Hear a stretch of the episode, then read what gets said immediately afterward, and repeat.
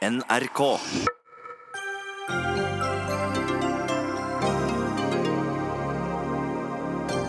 I et personlig brev til statsminister Erna Solberg krever USAs president at Norge oppfyller målet om å gi 2% av brutto nasjonalprodukt til forsvar. Staten selger seg helt ut av SAS. Vi blir stadig flere, men hvordan vil egentlig Norge se ut når hver tredje innbygger er innvandrer i 2060, slik Statistisk sentralbyrå spår? Og Helsedepartementet har ikke forstått at fastlegeordningen er i krise, hevder legene, som i går trakk seg fra forhandlingene.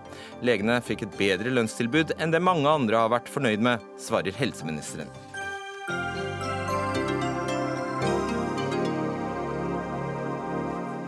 Vel møtt til Dagsnytt 18. Mitt navn er Fredrik Solvang. Erna Solberg har fått et brev fra USAs president Donald Trump. I brevet får den norske regjeringen krystallklar beskjed om hva som ventes av Norge, nemlig at uh, Norge, som er det eneste av Nato-landet og som, som, grenser mot Russland, mangler en troverdig plan for å bruke 2% av BNP på forsvar. Dette skriver VG i dag. Statsminister uh, Erna Solberg, uh, når fikk du brevet?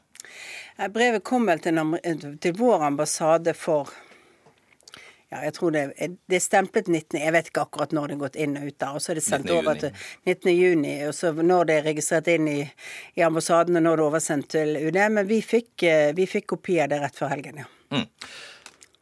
Hva tenker du om det? For det første så er det jo sånn at Eh, det er betydelig hyggeligere i tonen, det vi har fått, enn det Canada fikk. Og det er det eneste vi kjenner som er offentlig. Men jeg har forstått at flere land har fått brev, som er en del av forberedelsene til toppmøtet i, eh, i Nato, som skal være om 14 dager. Og eh, det er kjent stoff. Amerikanerne ønsker at vi skal øke forsvarsbevilgningene, og Norge øker forsvarsbevilgningene. Men det er ikke dagligdags å få brev fra Donald Trump?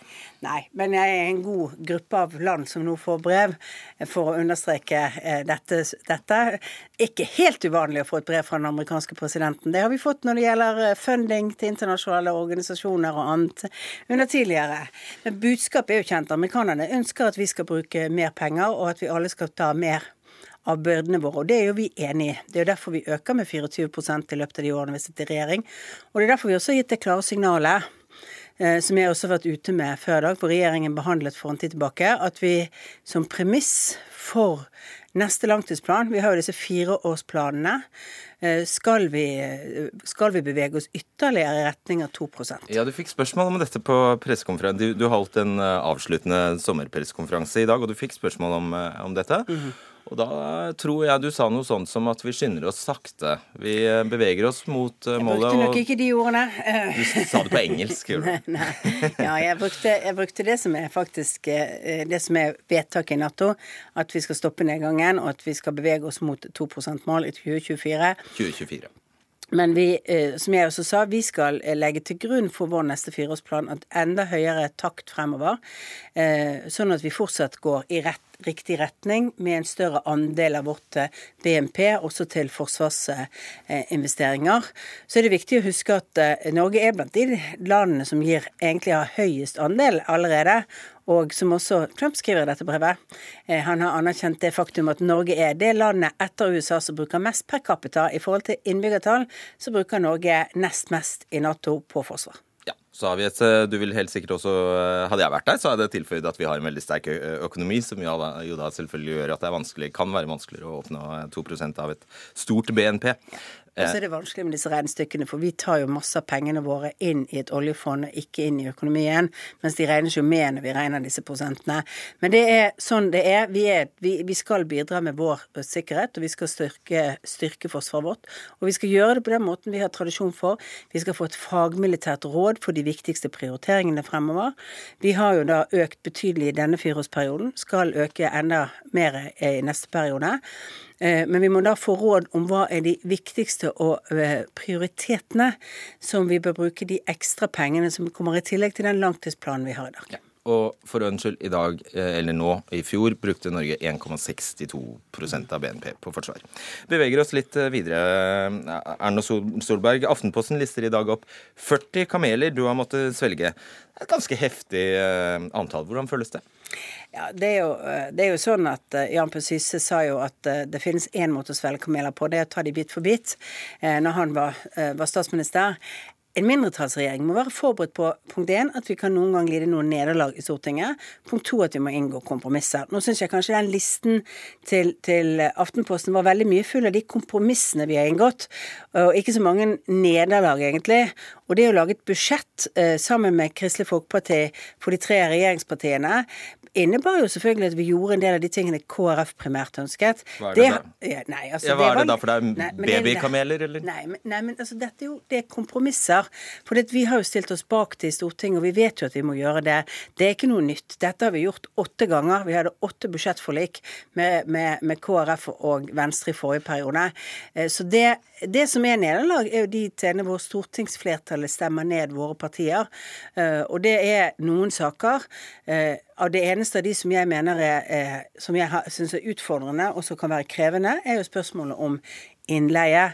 Det, det, er rett og slett fordi at mange små og mellomstore bedrifter ute i Distrikts-Norge vil kunne oppleve gjennom dette at det blir vanskeligere å skaffe seg arbeidskraft, mer byråkratisk å skaffe seg arbeidskraft. Og vi er på vei inn i en periode nå hvor mangel på arbeidskraft blir større. Det, er, det går jo bra i Norge med lavere ledighet og høyere vekst og bedre sysselsetting. Ja, ja, ja, ja. Litt skryt må jeg få lov til. Ja. Eh, men jeg tror vi trenger å forklare hva, denne, hva det er Stortinget har vedtatt om innleie. Altså, det startet vel omtrent med et eh, forslag fra Arbeiderpartiet om at du skulle, eller regjeringen skulle utrede et uh, midlertidig forbud mot uh, innleie i enten noen bransjer eller noen områder. Så endte det faktisk med at Stortinget sa dette skal gjelde rund baut vi får et full, helt generelt for, uh, forbud mot innleie. Og Regjeringen er jo enig i at vi hadde problemer på ett område innenfor det. og Det er bygg og anlegg, hvor vi så at veksten i innleie ble stort, og særlig i Oslo og Akershus. Derfor foreslo vi at vi skulle innføre et forbud eh, mot innleie av eh, Altså innleie i bygg og anlegg i Oslo og Akershus. Eh, hvis man ikke har, var tilsluttet eh, hadde fagforeninger og støtte fra de eh, innenfor eh, altså fagforeninger som har tariffavtale og en viss størrelse. Husker jeg akkurat størrelsespunktet på hvor mange, mange de skulle ha.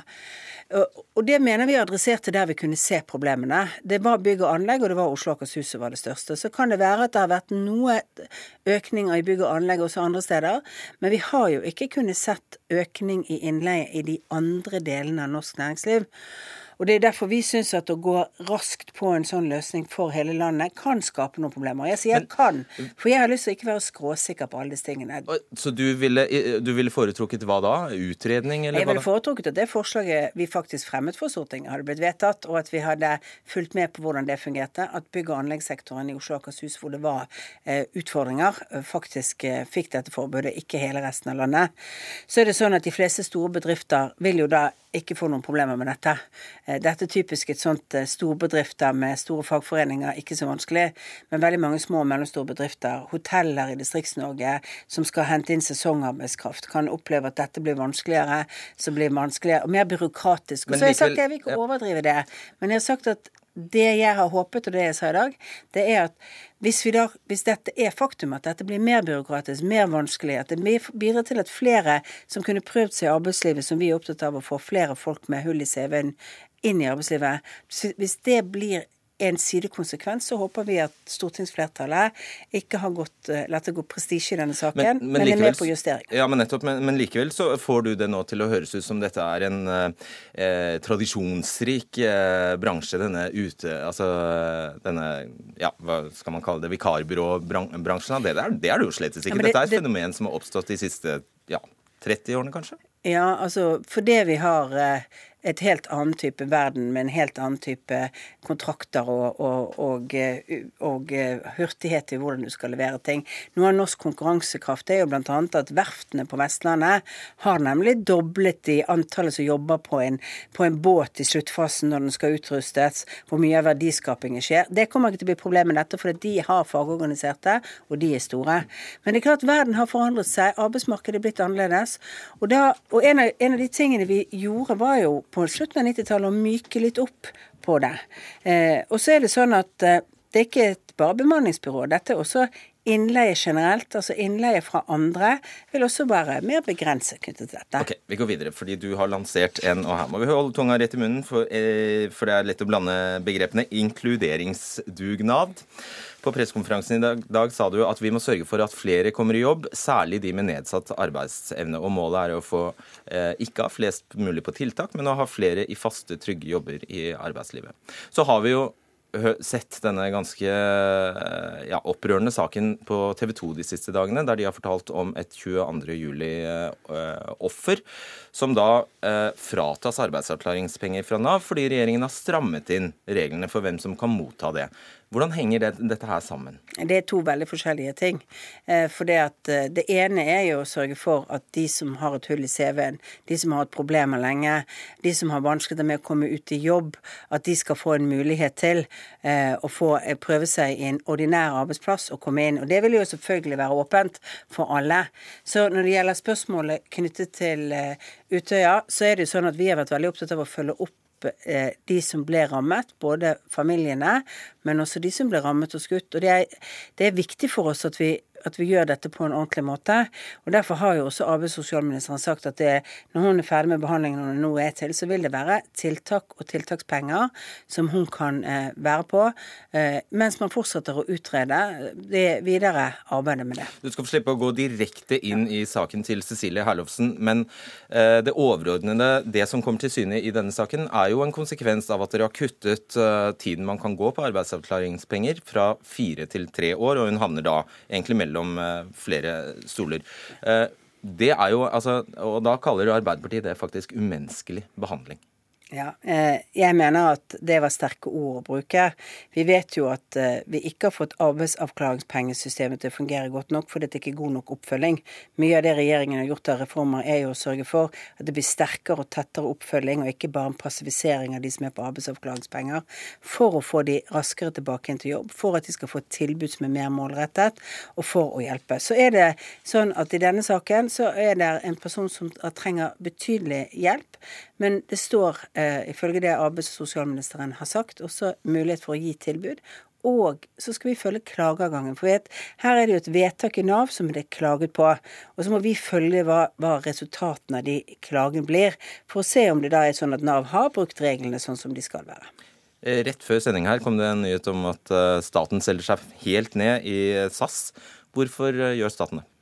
Det er jo sånn at I mange år så har jo uh, vært tydelig klart flertall på Stortinget som har sagt at uh, vi vil ikke gi mer penger inn i kapitalutvidelser eller annet til SAS, uh, og at vi har hatt en salgsfullmakt. Nå går det bedre i SAS. nå er det interessenter.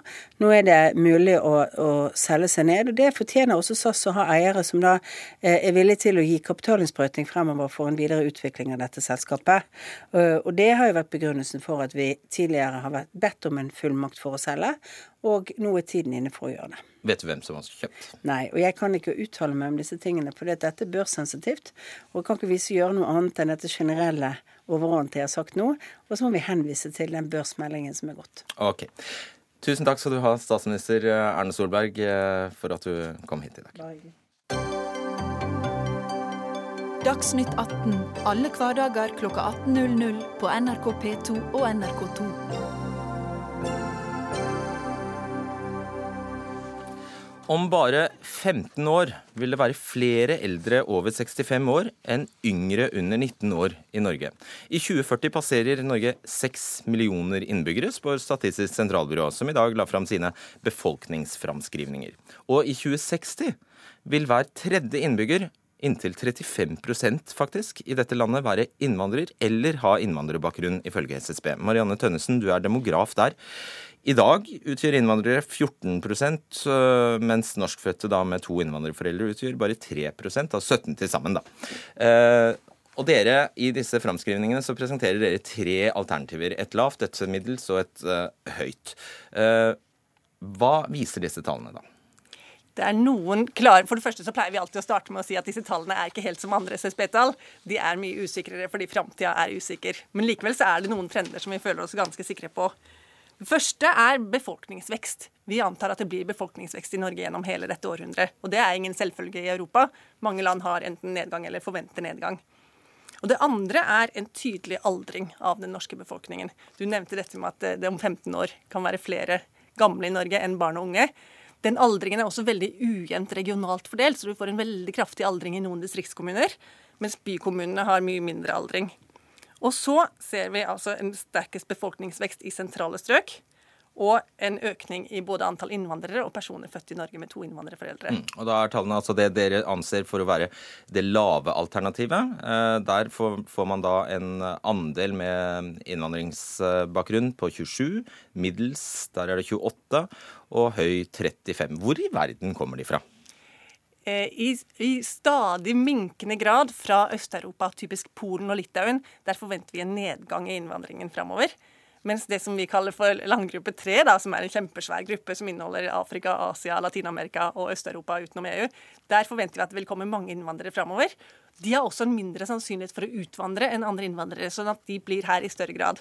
Da øker den gruppa raskere enn de andre gruppene. Så det var andel og prosent. Hva, hva snakker vi om i antall da, i 2060? I 2060, nå må jeg bare kikke litt på du skal få se på jukselappen. Du, ja. du er tidlig. Jeg lurer på om vi ender på 1,3 millioner innvandrere i 2060. Mm, tror jeg du har rett i. Ja. Og i dag er det 750 000 ja. innvandrere i Norge, så det skal mm. nesten dobles, da. Mm. Uh, tallet på norskfødte med innvandrerforeldre skal øke med fra 170 000 i dag til uh, eh, 530 000 i 2060.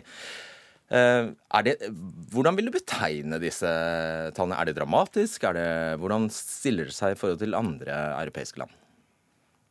Mm, vi har hatt en høy innvandring til Norge de siste ti åra. Så vi har kommet ganske høyt opp når det gjelder andel innvandrere. Men jeg har ikke sjekka, det er ikke så mange andre land som framskriver innvandrerne som en egen gruppe. Så der har jeg kanskje ikke noe veldig godt Nei, svar. Nei, du skal slippe å svare på det. Eh, hvorfor skjer det? For det skjer jo ikke bare av seg selv. Hvorfor skjer det at eh, innvandrerbefolkningen øker såpass mye, da? Det henger sammen med at vi forventer relativt høy innvandring fra forskjellige deler av verden. Eh, Men hvordan, Det er jo politikerne som bestemmer det, så hvordan kan dere bare anta? Ja, det, det, ikke sant? Her er det, og dette er den mest usikre delen av befolkningsframskrivingen også. sånn at dette med aldring og regionale ting og sånn er vi mye mer sikre på. Men når vi skal framskrive innvandringen til Norge, så bruker vi en modell som tar utgangspunkt i de noen av de faktorene som er drivkrefter bak innvandringen. F.eks. inntektsforskjeller mellom Norge og de områdene folk reiser fra. Arbeidsledighet i Norge, arbeidsledighet i de landene som folk reiser fra og befolkningsutvikling, forventa befolkningsutvikling i de landa. Mm. Til slutt, da, I den forrige befolkningsfremskrivningen deres fra 2016 så ble fasit faktisk at dere bommet ganske voldsomt både i 2016 og 2017. Det kom langt. Eh, kom jo veldig mange færre enn det dere antok. Det er helt riktig. Så dere kan ta feil nå? Vi kan ta feil nå også. Og den, det avviket som vi hadde sist, det illustrerer hvor usikre disse tallene er. Særlig på innvandring er det usikkert. Og nå er det faktisk innvandringen i fjor ble lavere enn i lavalternativet vårt for innvandring. Mm. Kjell Ingolf eh, Ropstad, du er nestleder i Kristelig Folkeparti. Hvilken følelse får du når du får høre at én av tre nordmenn, eller én av tre i dette landet, vil ha innvandringsbakgrunn i 2060?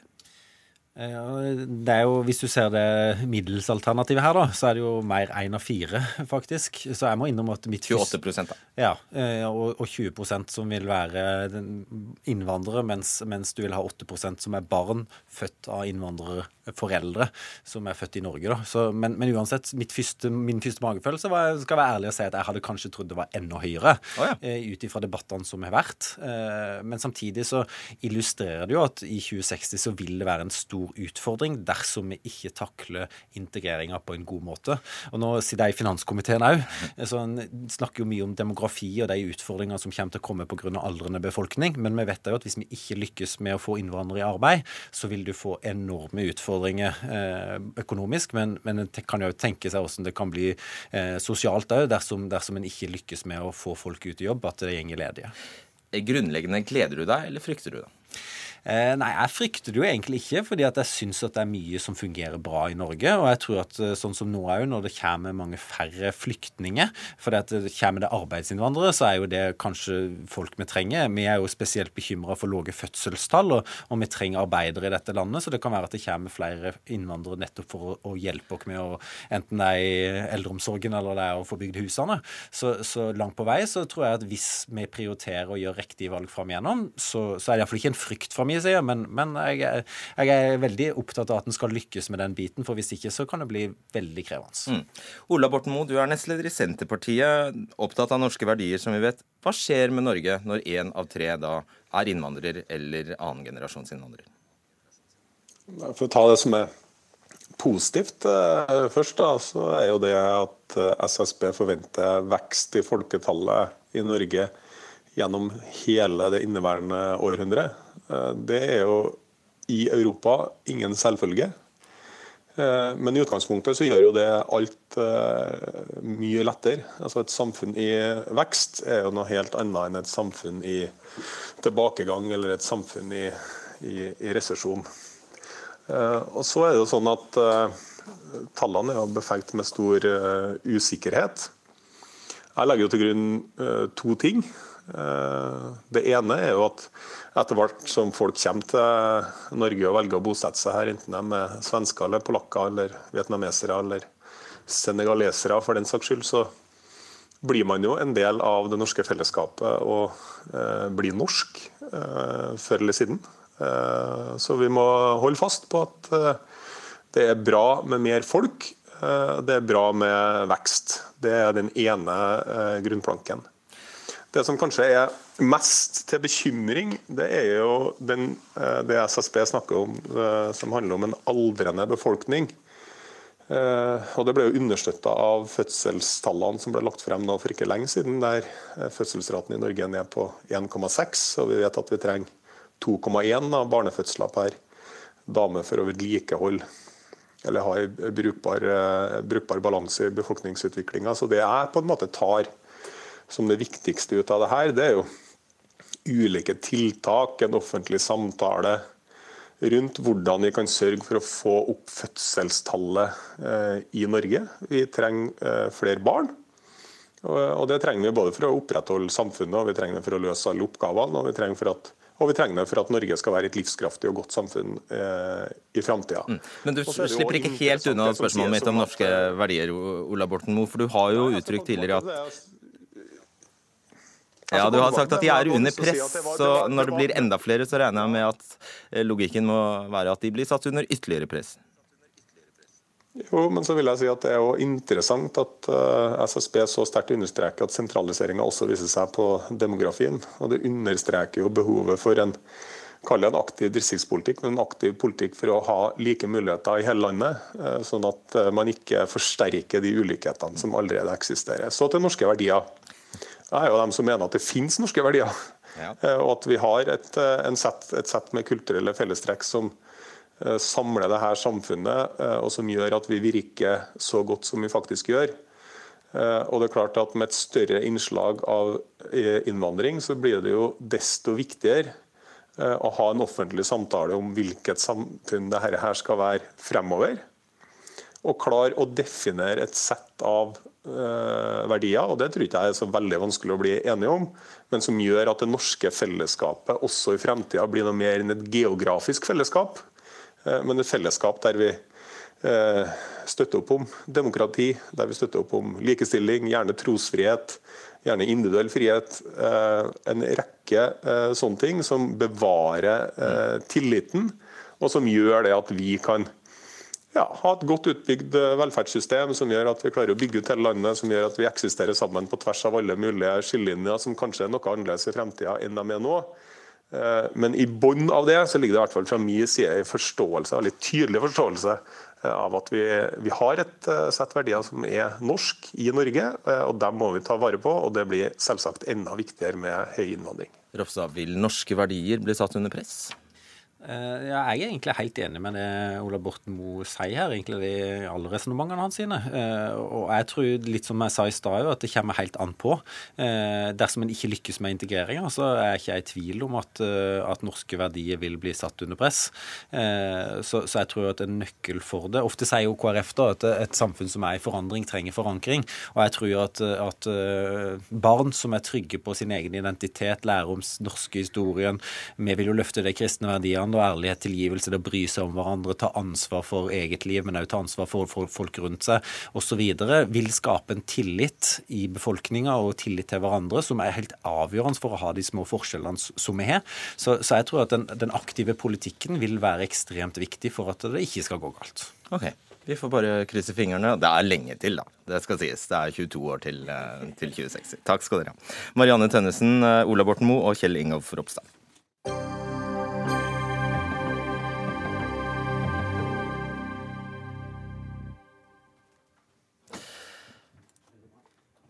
Det er litt som om å gni seg i øynene, faktisk. I Oslo viser en måling i dag at Rødt er hovedstadens tredje største parti, og at Rødt og MDG samlet er større enn Arbeiderpartiet.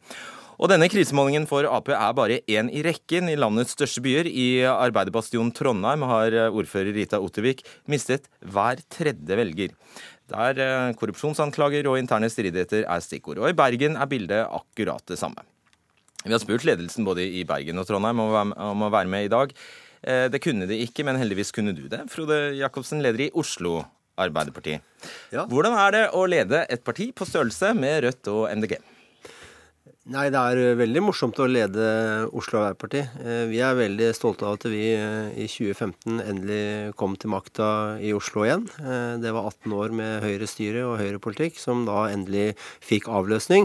Og vi får til mye bra politikk i Oslo. Det skjer spennende ting i Oslo nå. Og taper velgere som en tappekran. Ja, det er klart dagens måling er en kraftig vekker for oss. Eh, og et valgresultat på under 20 19, Hva er det? 19,4% Ja, målingen eh, viser det. Klart Det er jo ikke et valgresultat eh, som vi vil være fornøyd med. Men jeg har stor tro på at vi fram til valgdagen i september neste år vil kunne fortelle velgerne at vi har fått til mye bra, og at vi har visjoner og tanker om hvordan vi skal ta Oslo videre i en grønn og rettferdig retning. Bjørnar Moxnes, leder i Rødt. Hva er det som fungerer for Rødt, og hva er det som ikke fungerer for Arbeiderpartiet? For det er altså sånn at dere får nesten 12% i denne målingen, som for ordens skyld er utført av Respons for Oslo Høyre av en eller annen grunn. Uh, ja. Jeg tror mange innbyggere det siste året særlig har fått, uh, fått øynene opp for hva Rødt faktisk står for. At vi er både pådrivere i kampen mot profitt i velferden, at vi går foran i kampen mot sosial dumping og for å rydde opp i arbeidslivet. Og ikke minst at eh, Rødt er viktig for eh, kampen mot de økende forskjellene. Og i Oslo så har vi jo vist at vi eh, klarer å dra Arbeiderpartiet i riktig retning. Vi var første kommunen som etter krav fra Rødt satte ned foten for velferdsprofitøren i barnehagesektoren. Og vi har også nå jobba hardt i mange år for å stanse kuttene i bydelsøkonomien, som handler om velferden til folk flest. Så jeg tror mange ser at Rødt faktisk gjør en forskjell, og at de fordommene som man nok har uh, fantes uh, om Rødt, er i ferd med å, å, å, bli borte mm. blant så, mange innbyggere. Så det du egentlig sa nå, det er at årsaken til din uh, suksess er at du drar Arbeiderpartiet det var et sitat, drar Arbeiderpartiet i riktig retning, hvilket da medfører at Arbeiderpartiet taper velgere. Jeg tror i hvert fall mange ser at de har fått ganske mye igjen for å eh, stemme på Rødt. Og at eh, vi nå får gjennomslag for politikk som Arbeiderpartiet tidligere har satt foten ganske bastant ned for. Husk at senest i valget i høst så var jo Arbeiderpartiet ganske enig med Høyre når det gjaldt profitt i velferd. De var eh, for å tillate det, men med noen begrensninger. Mens ute i særlig fagbevegelsen og blant oss Arbeiderpartiets egne velgere, så er det jo massive flertall som sier helt tydelig stans profitten i velferden. Og Da er altså Rødt et parti som, som leverer varene. og får Arbeiderpartiet med på fornuftige løsninger i et godt og konstruktivt samarbeid i flere byer, deriblant Oslo. Og Hvis denne analysen eh, stemmer, Frode Jacobsen, så befinner du deg i en begredelig situasjon? Ja, Vi har klare utfordringer selvfølgelig i den situasjonen som vi, eh, vi har nå. Eh, det er klart, Jeg tror Moxnes har rett i at Rødt henter ut noen gevinster gjennom saker de har fått til i samarbeid med oss. Det samme gjør sikkert MDG Nei, han SV sier at dere dras, altså, Hans suksess er bygget på at du endrer din politikk, sier han. Ja, altså, Jeg tror ikke heller ikke Moxnes kunne fått til så mye i Oslo bystyre hvis ikke Arbeiderpartiet hadde vært med på, på, det laget. Sånn sett så er jo de fire partiene som samarbeider i Oslo eh, Vi har en felles fiende, det er høyrekreftene. Og valget neste år kommer til å handle om vi skal ta Oslo videre i den retningen vi har starta på, eller om høyrekreftene skal få begynne med privatisering eh, og sånn igjen. Eh, og, og, jeg har ikke noe store ambisjoner om å drive valgkamp mot Bjørnar Moxnes, men eh, vi møter velgere nå som er usikre på hvor har de Arbeiderpartiet. Her er det jo et nasjonalt bilde også inni det hele som, eh, som, som, preger det. Og jeg tror Hva betyr det? Min, mine partikolleger Når Arbeiderpartiet ligger på 22% på nasjonalt plan, eh, så er det ikke så rart at eh, i Oslo, Bergen, Trondheim og alle andre byer, fylker og kommuner, eh, så ligger Arbeiderpartiet dårligere an enn det vi gjerne skulle håpa på. Eh, jeg har i dag hatt møte med ordføreren på Rennebu en kommune i Trøndelag på 2500 innbyggere, som forteller det samme som vi hører på stand på Skøyen eller Bøler, om at folk i Oslo eh, er det vanskelig å snakke med eh, om politikk, eh, fordi man er usikker på hvor man har Arbeiderpartiet. Så det, det der preger nok også situasjonen, og, og, frustrerer mange lokalpolitikere i Arbeiderpartiet, som gjør en bra jobb for å bygge ut velferden. Flere eldre ansatte i eldreomsorgen, flere mm. barnehagelærere, flere barnehageplasser og flere lærere i skolen. Litt uh, forskjellige analyser her, Moxnes. Og hvis Jacobsen har rett, så uh, vil jo din lekkasjen til deg annet avta idet han for Arbeiderpartiet får skuta på rett kjøl? Altså, jeg er jo glad for at uh, vi får Arbeiderpartiet på noen punkter uh, med på en fornuftig uh, og progressiv politikk, som vi har sett i noen saker. Men så ser vi også at en av de virkelig store dramaene i vår, kampen mot å gi EU kontroll over norsk energi og dermed også industripolitikk, så hadde jo vi eh, hele fagbevegelsen i ryggen. Vi hadde med på laget 120 Arbeiderpartiordførere, hele AUF, flertallet i landsstyret i Arbeiderpartiet. Og når det kom til stykket, så valgte altså Arbeiderpartiledelsen å gå sammen med Frp, Høyre og Brussel for å gi EU mer makt. Og Det er jo et, eh, noe som mange fagbevegelser har merka seg. Jeg var selv på Sunndalsøra, en Arbeiderparti-bastion. Jeg var nede i Grenland, en industriregion som har vært Arbeiderparti-bastion i nesten 100 år og møtte jo åpne armer fra eh, industriarbeidere som lenge har vært Arbeiderparti-lojale, men som eh, var mm. dypt skuffa over at Arbeiderpartiet setter EU og Brussel over hensynet til norske industriarbeidsplasser. Det? det skjer jo ting der altså helt åpenbart som viser at det er en forskjell også naturligvis på det Rødt og Arbeiderpartiet står for. Ja, altså, jeg, jeg, tror at velgerne neste år i Oslo og alle andre steder kommer til å være opptatt av hva som skal prege hverdagen i lokalsamfunnet der de bor. I Oslo vi, fører vi en veldig tydelig politikk om en grønnere og mer rettferdig by med, med plass, til, plass, til, alle. Og den kommer vi til å fortsette med å snakke om. Og Der, eh, der igjen så er det høyrekreftene som er eh, vår hovedmotstander. Eh, I den perioden vi har, er midt inni nå, som var etter valget i 2015, så, så, så gjør vi mye mye bra i forhold til kollektivtrafikk. Vi betaler ned kommunens gjeld. Ja, ja, ja. Vi har trygg økonomisk styring i Oslo. Det er viktige ting. Og, og straffes folk, med 19 og folk, Jeg tror folk vil kjenne igjen Arbeiderpartiet i Oslo når vi kommer til, til valgurnene. Men selvfølgelig, 19% er ikke bra nok for oss. Det er ikke noen grunn til å legge skyld på det, Fredrik Solvang. Og det, eh, jeg kommer gjerne hit igjen og forteller om hva Arbeiderpartiet skal gjøre for å vinne tilbake de, de velgerne som vi, har tapt. Eh, men, men, det viktigste, viktigste, er at det er flertall for fjerde måling på rad. Så er det flertall for fortsatt rød-grønt styre i Oslo, og det er det valget kommer til å handle om. Og Forrige gang Arbeiderpartiet ble gjenvalgt i Oslo, det var i 1971. Sånn at Vi har en formidabel motstander i høyrekreftene, og jeg er helt sikker på at eh, velgerne kommer til å like det de ser av Oslo Arbeiderparti framover. Her jo, er det et viktig poeng fra Jacobsen som jeg er helt enig i. fordi det vi nok eh, må sikre for å vinne flertall på nytt i, i byer landet rundt neste år, er jo at vi får tydelig forskjell mellom høyresida og venstresida. Er det én ting eh, Rødt iallfall sikrer, så er det jo at det er tydelige forskjeller og et alternativ ja, til den borgerlige det får si. Et siste spørsmål til deg, Moxnes. fordi eh, ja. Tror du at disse 12 prosentene av velgerne i Oslo som altså stemmer på partiet ditt, er klar over at du leder et parti, eller at de da stemmer på et parti som baserer sin forståelse av samfunnet på marxistisk teori? Svar litt kort på det.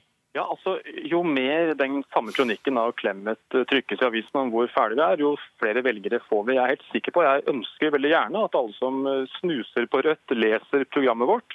Vi er for sosialistene, og det betyr at vi ønsker mer demokrati i samfunnet. Dette var gangbar mynt i hele perioden Arbeiderpartiet var en progressiv kraft i forrige århundre for dem også. og Mange i Norge ønsker samfunn med mer demokrati og mindre pengemakt, og det er det Rødt står for. og det styrker for oppslutning eh, landet rundt, så bare bring it on. Altså.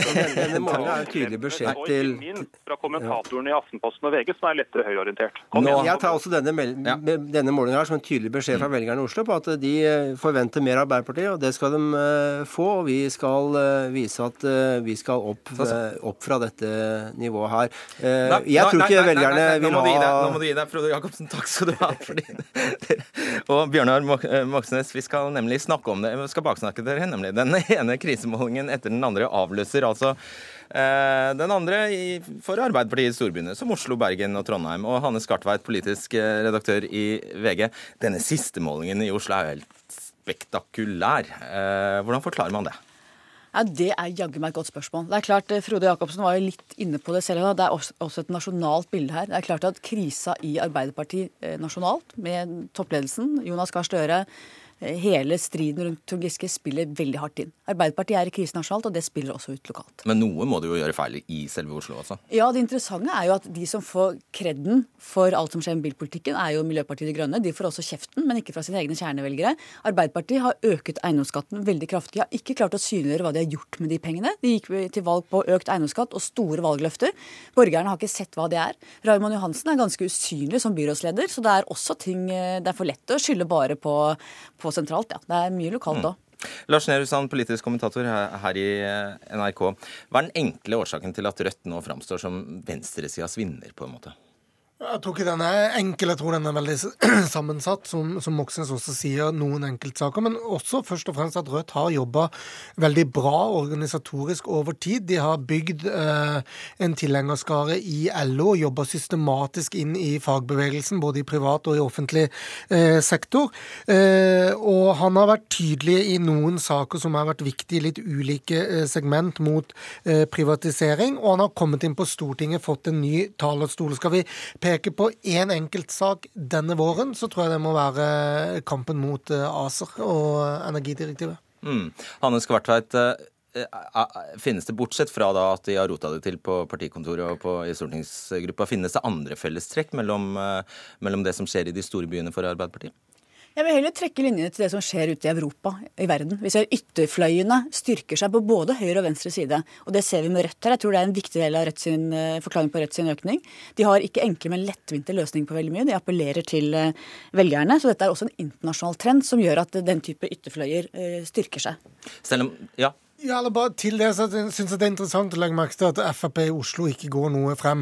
Eh, snarere tvert Eller de går ørlite grann frem. De går bitte lite grann mer frem i, i Trondheim. Men det er på en måte ikke ytterpartiet eh, på høyresiden som har styrka seg i noen av de to byene vi har ferske tall for i, eh, i dag. Og, og det, den største velgerforflytningen skjer jo internt på eh, venstresiden, kanskje da spesielt i Oslo. Det som var interessant i valgkampen i Oslo for snart fire år siden, var jo alle velgerne som gikk fra Venstre til MDG, eh, og som dermed flytta seg over blokken.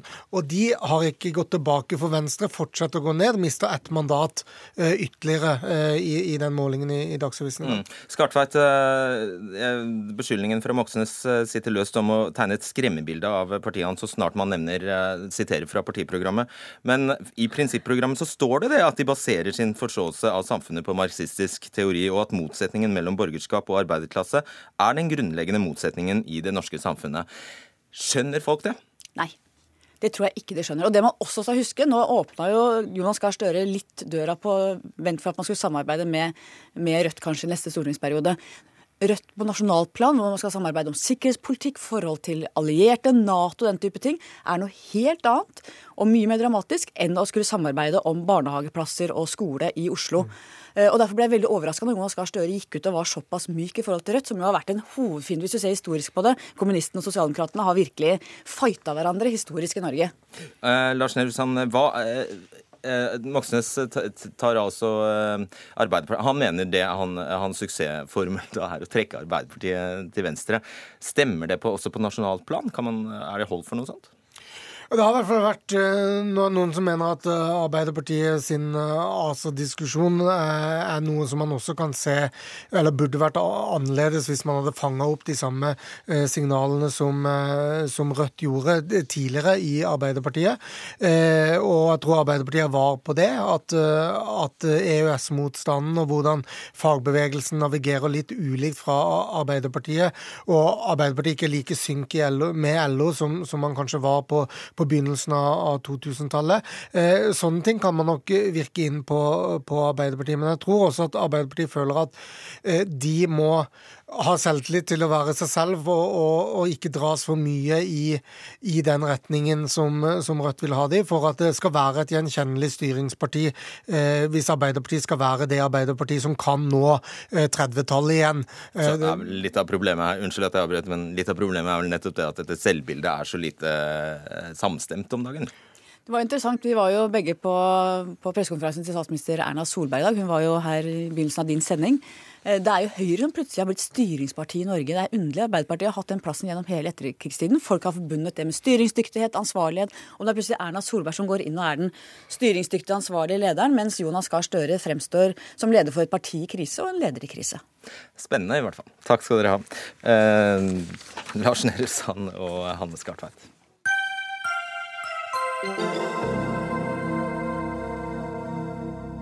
Antallet tilfeller av føflekkreft øker over hele verden. Vi i Norge er i verdenstoppen ifølge tall fra Kreftregisteret, og over 2000 mennesker fikk påvist føflekkreft i 2016. Ivar Sønbø Christiansen, du er professor og spesialist i samfunnsmedisin ved Universitetet i Oslo. Du mener faktisk denne statistikken er misvisende. Hvorfor det? Jeg mistenker det, men la meg først si at eh, det er ingen tvil om at føflekkreft kan være en eh, ondartet og dødelig sykdom. Men eh, samtidig må man være klar over at vi alle sammen går rundt med kreftceller og kreftvev i kroppen fra tid til annen. Det vet vi forekommer i prostata hos menn, i bryst hos kvinner og skjoldbruskkjertel hos alle. Og hvis man da begynner å lete etter den type kreftvev som finnes, så kan man finne det, og så kan man få inntrykk av at det er mye mer kreft enn det som har det vi kaller klinisk betydning, altså som gir symptomer eller død. Så det er kreft, det men det er ikke farlig kreft, er det riktig forstått? Det kan man si. Og når det gjelder uh, føflekkreft, så er det jo et faktum at legene tar flere og flere føflekker, fjerner dem, sender dem inn til patologisk laboratorium, og patologene finner føflekkreft nå hos over 2000. Og spørsmålet er om alt det er eh, ekte kreft. Mm. Og da er det slik at uh, Tallene gir mistanke om at så ikke er tilfellet, fordi vi har hatt uh, mer enn tidobling i forekomsten av uh, føflekkreft fra 1953. Mens eh, dødeligheten har økt mye mindre i en periode hvor vi har hatt samme behandling, nemlig kirurgi. Så det har ikke skjedd noe på behandlingssiden som skulle tilsi lavere eh, dødelighet. Eh, så det er noe mistenkelig med disse tallene. Mistenkelig. Henrik Løvendal Svendsen, du er lege og leder for Nasjonalt kvalitetsregister for føflekk. For føflekk eller føflekkreft? Føflekkreft, ja. eller melanom som vi òg kaller det. Nettopp. Eh, er det sannsynlig eh, Utelukker du at det forekommer, og at det som skjer i dag, er overdiagnostikk av føflekkreft i Norge? Jeg syns det er kjempespennende at uh, dette kommer på dagsordenen, og det er helt klart at det er urovekkende når det har skjedd en tidobling på disse antall årene. Uh, når eh, det nå i både nettsiden og eh, her i innledningen har vært eh, litt grann, diskusjon om dette er kreft, så vil jeg jo si at dette er kreft. Det er ikke lurekreft eller, eller feildiagnostisert kreft. Men sånn som jeg forstår at Kristiansen nå er inne på, så er det ikke alt alle disse krefttilfellene som ville utvikle seg videre og ville spre seg til andre steder og dermed bli okay, Så du går egentlig ikke helt med på premisset i spørsmålet mitt, skjønner jeg. Men hva er da konsekvensene av å bli diagnostisert med en ikke-dødelig form for eh, melanom, som du kaller det? Eh, konsekvensene er, er, er, små når det gjelder den operasjonen som man går gjennom. Det vil jo være mye større psykisk å få beskjed om at man har kreft når man føler seg helt frisk. Mm. Lill Tove Nilsen, du er seniorforsker i Statens uh, strålevern. Hvis uh, Kristiansen har rett, så er det jo bare å gå ut i sola og nyte den, sole seg så mye man vil. Ja, der er det to forhold som jeg vil ta tak i. og Det ene er at eh, hvorfor ikke gå ut i sola og nyte å være ute, men med å beskytte seg. Det mener vi er Godt jo poeng. helt essensielt. Og, eh, ja, og så er det jo det at eh, vi er ikke enig i at det er, ikke er UV-stråling fra sola som forårsaker disse tilfellene. Nei. Eh, vi har jo sett at det er stor økning både i reiser til sydligere strøk, og der er sola intens. Folk har fått veldig, veldig mye mer fritid hele tiden etter krigen, og vi bruker mye tid utendørs. Vi ser at ja, nordmenn har veldig lys hudtype, og vi blir lett solbrent. Og solbrenthet er en av de faktorene som Eh, gjør at vi lettere får hudkreft. Er det farlig det, det budskapet Kristiansen kommer med, da? Eh, det er hvert fall hvis vi tror at vi ikke kan beskytte oss når sola er sterk. Det er veldig dumt. Det må vi ikke gjøre. Men når det er sagt, så er det jo bra at det her settes på dagsorden. Det hadde jo vært kjempefint om det var sånn at vi kunne ta et melanom, enten en blodprøve eller en prøve fra den, og si at oi, dette kommer til å føre til dødsfall, eller et annet gjør det ikke. Men for å komme dit så kreves det mye mer forskning. Vi er ikke der, altså må vi behandle de. Og så er det veldig mye lettere å få det bort hvis vi behandler det på et tidlig stadium. Eh, forklar i korthet, Kristiansen. Eh, hva, hva, er bekymringen din? Altså, er, er, det kostnadene, eller er det de følelsesmessige på, påkjenningene hver enkelt uh, går gjennom, eller hva er det? Uh, tre ting. Kostnader uh, de er ikke så store, så det kan vi klare. Men vi gir, tror jeg, mange mennesker en kreftdiagnose som de så å si ikke fortjener. De har en tilstand som ikke er dødelig, og som man ikke behøvde å behandle. Det er bare fordi man tar disse føflekkprøvene at man finner at det er noe kreftvev. Og så er det det tredje, og det er jo at man gleder seg over å være ute i solen. Og når eh, strålevernet ja, Da kan man bare gjøre som Nilsen sier, og smøre seg? Jo, men altså det er noe med at eh, det gir en del bekymring. Og jeg ser jo hvor mye tid enkelte familier bruker på å smøre både seg selv og sine barn. Fordi de tror at det beskytter mot uh, føflekkreft. Og det er jo uh, dårlig dokumentert. Og så må man være klar over at Nei, nei jeg kniper her, for vi, vi, vi, har, vi, er, vi, er, faktisk Det er full brakke her. Kari, Karianne Fevang, du er leder i Føflekkreftforeningen, er også med oss. Hva sier du til budskapet Kristiansen har? Jeg tenker at det er så viktig med forebygging. Eh, og vi, det er det eneste vi kan gjøre. Det er å beskytte oss mot sola. Eh, vi kan være i skygge, vi kan eh, bruke lette klær, og vi kan smøre oss med solkrem. Vi har ikke noen annen måte å beskytte oss og forebygge at vi får føflekkreft. Og får man den sykdommen, så ja, for veldig mange så kan det være en en, en grei behandling og det eh, fin kirurgi som tar det vekk, og så er det det som skjer. Men for de som får en alvorlig avansert sykdom, så eh, kan det gå galt. Det var 306 dødsfall i eh, 2016, og kan vi forebygge det her, eh, så må vi gjøre det. Så det er så viktig å bruke solkrem, eh, søke skygge og ha på lette klær. Eh, dersom forekomsten øker, Svendsen, så er det vel sånn at eh, myndighetenes kampanjer eh, og påminnelser om farene ved å ikke smøre seg har vært forgjeves? Kan man ikke si det?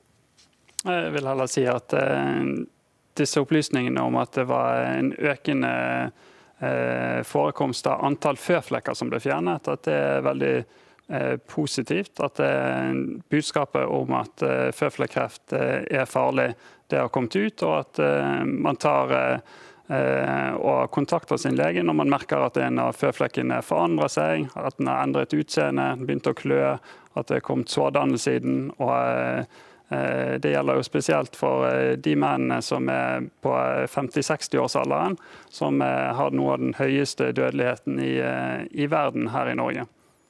Uh, ja, Kristiansen, svar kort på det. Ja, eh, mitt synspunkt er at eh, oppfordringen om å fjerne føflekker kan ha bidratt til at vi får overdiagnostikk mer enn vi har hatt tidligere. Og man være klar over at vi har ikke noen direkte bevis for, at det har vært økning Jeg behandler meg som en legemann. Hva betyr overdiagnostikk? Overdiagnostikk det betyr at man eh, påviser noe i vevsprøver som ser ut som kreft, men som aldri ville ha gitt noen symptomer, og som ikke vil ta livet av pasienten. Det er en vanlig standard eh, overdiagnostikkbetegnelse eller definisjon. Hvordan vet du hvem som kommer til å ta livet av noen? Jeg eh, har selv Eh, føflekkreft eh, i stadie 4, altså med spredning til indre organer. Og jeg ville veldig gjerne ha visst det på et tidligere tidspunkt, så jeg ikke hadde fått den sykdommen. Eh, det er når, Så lenge du ikke kan bare ta en prøve av det og finne ut at den her er fin, den kommer ikke til å skje noe mer med, den her kommer til å utvikle seg videre, så må vi få fjernet de så tidlig at det er en enkel behandling og ikke noe som kan ta livet ditt. Kristiansen? Ja, la det, la det, være klart at uh, vi i dag ikke har noen sikker metode for å skille mellom farlig og ufarlig kreft. Men mitt anliggende er først og fremst at myndighetene burde fortelle at det er noe rart med statistikken når det gjelder føflekkreft. Det er et misforhold mellom dødelighet og forekomst. Og at det finnes alternative forklaringer, og at vi har dårlig dokumentasjon. Vil du svare på spørsmålet fra Fevang, da? Unnskyld, uh, hva var spørsmålet hennes? Vil du gjenta det? Ja, altså jeg ja. Kan du gjenta spørsmålet? Ja, Det vet jeg ikke om jeg klarer. Men ville du valgt å, å ikke fjerne en en føflekk som ser sånn ut som eh, Svendsen beskrev, som har de kjennetegnene, eh, og ta sjansen på at det ikke er noe farlig i den? Jeg ville først og fremst informere publikum om at vi ikke vet hvorfor eh, vi har hatt så sterk økning i forekomsten av føflekkreft, og at det er noe rart med tallene, og at den økende forekomsten ikke har Eller at man ikke har noe bevis for at vi har en økning i solbestråling fra 1930-tallet som må til for å forklare okay. den økningen vi har i kreft fra 50-tallet. Du får avslutte, Lille Tove Nilsen. Der tror jeg vi har gode tall på at ja, vi har økt eh, eksponeringen alle sammen. Vi har reist mye, mye mer sydover, hvor eh, UV-strålingen er veldig mye sterkere enn her i Norge. Vi er mye mer ute også her i Norge, altså og kler av oss. Eh, og i tillegg så er det mange som tar solarium. Så alt i alt så har vi mye mer eksponering. Og selv om vi også har blitt flinkere til å beskytte oss med solkrem, så mangler det mye der. Takk skal dere ha. Ivar Sønbø Kristiansen, Henrik Løvendal Svendsen, Lill Tove Nilsen og Karianne Fevang. Hør Dagsnytt 18 når du vil. Radio NRK Radio.nrk.no. Legeforeningen og Helsedepartementet er så uenige om tarifforhandlingene at legene i går valgte å gå fra forhandlingsbordet. Helseminister Bent Høie tilbød fastlegene en lønnsøkning på 2,8 pluss 100 millioner kroner ekstra i såkalt basistilskudd, altså det fastlegene får per pasient, som grovt sagt. Men det var ikke nok for legene. Marit Hermansen, president i Legeforeningen, hvorfor gikk dere? Eh, rett og slett fordi avstanden var for stor mellom det staten tilbød og det som vi krevde. Fastlegeordningen er i krise. Eh, vi, siste året har vi sett at kommune etter kommune forteller at de får ikke søkere til eh, fastlegestillinger. Erfarne fastleger teller på knappene om de skal holde ut. Eh, og dette mener vi krever eh, strakstiltak, skal vi berge denne ordningen som er en grunnstein, og vi ser ikke handlekraft hos staten. Og da er det snakk om penger, men det er ikke snakk om lønna til fastlegen. Altså disse 2,8 prosentene har jeg skjønt dere er nokså enige om. Det er altså den potten på 100 eh, dere er uenige om, og der var Hvor stort var spriket? Eh, vi, eh, vårt siste krav var 280 eh, millioner. Og som du sier så er vi enige om lønnsøkningen. Dette handler om å styrke en ordning. Staten la på bordet 100 millioner. Eh, det tilsvarer eh, sånn 230 000 per kommune, eller en, en kvart fastlegestilling. Eh, det, den tidsbrukundersøkelsen som vi har, viser at de, de ekstraoppgavene fastlegene har tatt på seg, det tilsvarer 700 årsverk. I tillegg så har staten sagt at de skal gi en handlingsplan i 2020. Det er altfor seint. Bent Høie, helseminister fra Høyre. Du erkjenner jo at det er behov for eh, mer penger, siden du gir disse 100 millionene. Hva skal de gå til? Absolutt, og eh, de skal jo nettopp gå til å eh, kompensere fastlegene for den ekstra arbeid som de har fått, som ikke handler om direkte der de er i en direkte pasientkontaktsituasjon. Fordi det får en jo betalt for gjennom takstene. Eh, nå er vi i et stort arbeid med Legeforeningen. Vi har igangsatt Men Bare gi et eksempel, så vi andre forstår. Hva er det? Hva, ja, det kan f.eks. være ekstra oppfølging eh, etter at en har vært i kontakt med legen, som en del av Vi tror og har jo samme forståelse som, som Legeforeningen, at noe av dette kan skyldes f.eks. Samhandlingsreformen, der mer oppgaver er flytta til kommunene og til fastlegene fra, fra sykehusene. Men vi har igangsatt et stort arbeid sammen med Legeforeningen og KS i et trepartssamarbeid eh, der vi skal evaluere fastlegeordningen. Vi skal gå inn i disse tallene. Vi har egne arbeidsgrupper som vi har blitt enige om. Der vi har et mandat, der vi har en tidsplan for det arbeidet som vi også er blitt enige om. Eh, og Derfor så mener vi det ville vært feil nå å bare på en måte forskuttert hele den prosessen og sagt at uh, legen Så du avviser ikke at det kan være behov for mer penger? Det, det, avviser, jeg absolutt, det avviser jeg absolutt uh, ikke. Og, derfor, og, jeg er veldig opptatt av at vi har en uh, situasjon som vi må svare på. og Derfor går vi til det helt uvanlige skrittet å tilby Legeforeningen 100 millioner kroner ekstra utover det som er det vanlige, som er 2,8% vekst, som er årets, årets lønnsvekst. Okay. I tillegg til at vi da sier at alt det arbeidet som nå er i gang med, og tilbyr vi kan handle opp, eh, enda ut nettopp i en handlingsplan. Det må komme i 2020, fordi Legeforeningen har jo vært med på å sette de eh, tidsfristene som det er en del av arbeidet som selvfølgelig må gå inn i handlingsplanen har fått. Du får en handlingsplan? Ja. I 2020. Eh, ja, og, og, det kommunene viser der ute, hele kartet er rødt. Eh, eh, helsesjefene forteller at de lyser ut gang etter gang, og de får ikke søkere. Eh, den undersøkelsen som ministeren jo eh, bestilte, og som ble lagt fram i vinter, viser at eh, fastlegene de jobber i, i snitt én arbeidsdag ekstra. 55 timer i uka i snitt.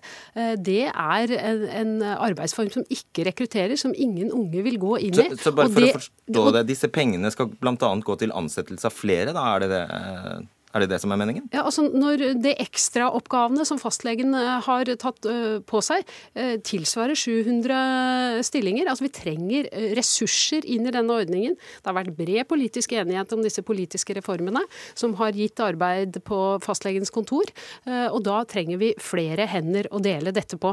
Vi ønsker at pasientene skal møte samme fastlegen over tid, ikke ny fastlege hver uke. Og at den fastlegen skal ha tid til pasientene sine. Og da trenger vi ekstra ressurser. Og vi trenger det nå. Vi kan ikke vente til 2020. Og jeg er helt enig i at vi har behov for å rekruttere flere fastleger til deler av disse arbeidsoppgavene. og Det er òg en av grunnene til at vi har gitt f.eks. i statsbudsjettet for, for, dette året her 23 millioner kroner til ekstra tiltak for å rekruttere flere fastleger til kommunene, som kommunene òg har søkt på, og som de bruker. Eh, men jeg er òg opptatt av at noen av de tiltakene vi setter inn, faktisk handler om å rekruttere flere fastleger ikke bare betale de som allerede er fastleger, bedre for den jobben som de gjør. Og da falt jeg av, for hun det, sa jo nettopp at disse pengene skulle gå til å ansette flere. Nei, disse pengene vil jo gå til de fastlegene som er i jobb i dag. De vil få mer betalt for de legen, pasientene som de allerede har på lista. Men lønn er du jo enig om, sa hun. Og det er òg et viktig, eh, viktig virkemiddel, selvfølgelig. Men det er ikke bare det eneste virkemiddelet. så derfor er vi Nei, men stopp, Ikke forvirre oss, opplys oss. Hun sier vi er enige om lønn, og så sier hun disse pengene skal gå til å ansette flere fastleger, fordi vi, har, vi som er der, har for mye å gjøre. Du sier, du sa nei, ingen av delene stemmer, sa du nå. Nei, jeg sier de, de 100 millioner kronene vil jo i all hovedsak gå til å øke det som er kalt for par capita-tilskuddet, som er til et tilskudd som fastlegene får for pasienter. Så de nåværende de fastlegene vil få mer på, penger? Får på listen, Men det er for å kompensere nettopp for det ekstraarbeidet som vi er òg enige om at fastlegene har fått. Det blir jo ikke flere fastleger av eh, Hermansen? Jo, det blir det. Fordi et av vårt sentrale krav er at fastlegen skal kunne gå ned på listestørrelsen. Altså ned på antall pasienter på sine lister. Og da må eh, gapet, eh, altså det, det, man nå eh, har jobba uten kompensasjon, det må tettes. Så våre midler, eh, når man får mer per pasient, så kan man gå ned på antall pasienter. Og Hvor skal da, det gjøre av seg de pasientene der, da? Oppgavene er der. Oppgavene må løses. Og da, når, når fastlegene kan gå ned på antall eh, pasienter på listene sine, så vil eh, det bli plass til flere fastleger. 30 sekunder. Ja, og Derfor har jeg vært opptatt av at vi skal rekruttere fast, flere fastleger. For det er bare én måte at fastlegen kan ha færre pasienter på listen sin på. Det er at det blir flere fastleger. Og Det har det òg blitt de siste årene. Derfor har òg den gjennomsnittlige listelengden gått ned. Eh, Det er en utvikling som må fortsette, og derfor må mange av de tiltakene som vi skal sette inn i både i år, men òg årene som kommer, nettopp handle om å få rekruttert flere fastleger. Så anerkjenner jeg òg. Kravet fra fastlegene, og derfor har fastlegene og Legeforeningen fått et godt tilbud fra staten, som de dessverre har sagt nei til. Men det er for lite og for sent. For lite oppsett. Ok, Vi får ta nye runder om dette her, fordi vi fikk jo ikke med oss eh, om det får noen konsekvenser for pasientene. Kanskje det viktigste spørsmål av, eh, av alle, men det får vi ta neste gang, rett og slett. Takk skal dere ha, Bent Høie og Marit Hermansen. Det var det for eh, denne gang. Ingebjørg Sæbø, Eli Kyrkjebø og Fredrik Solvang ønsker god kveld.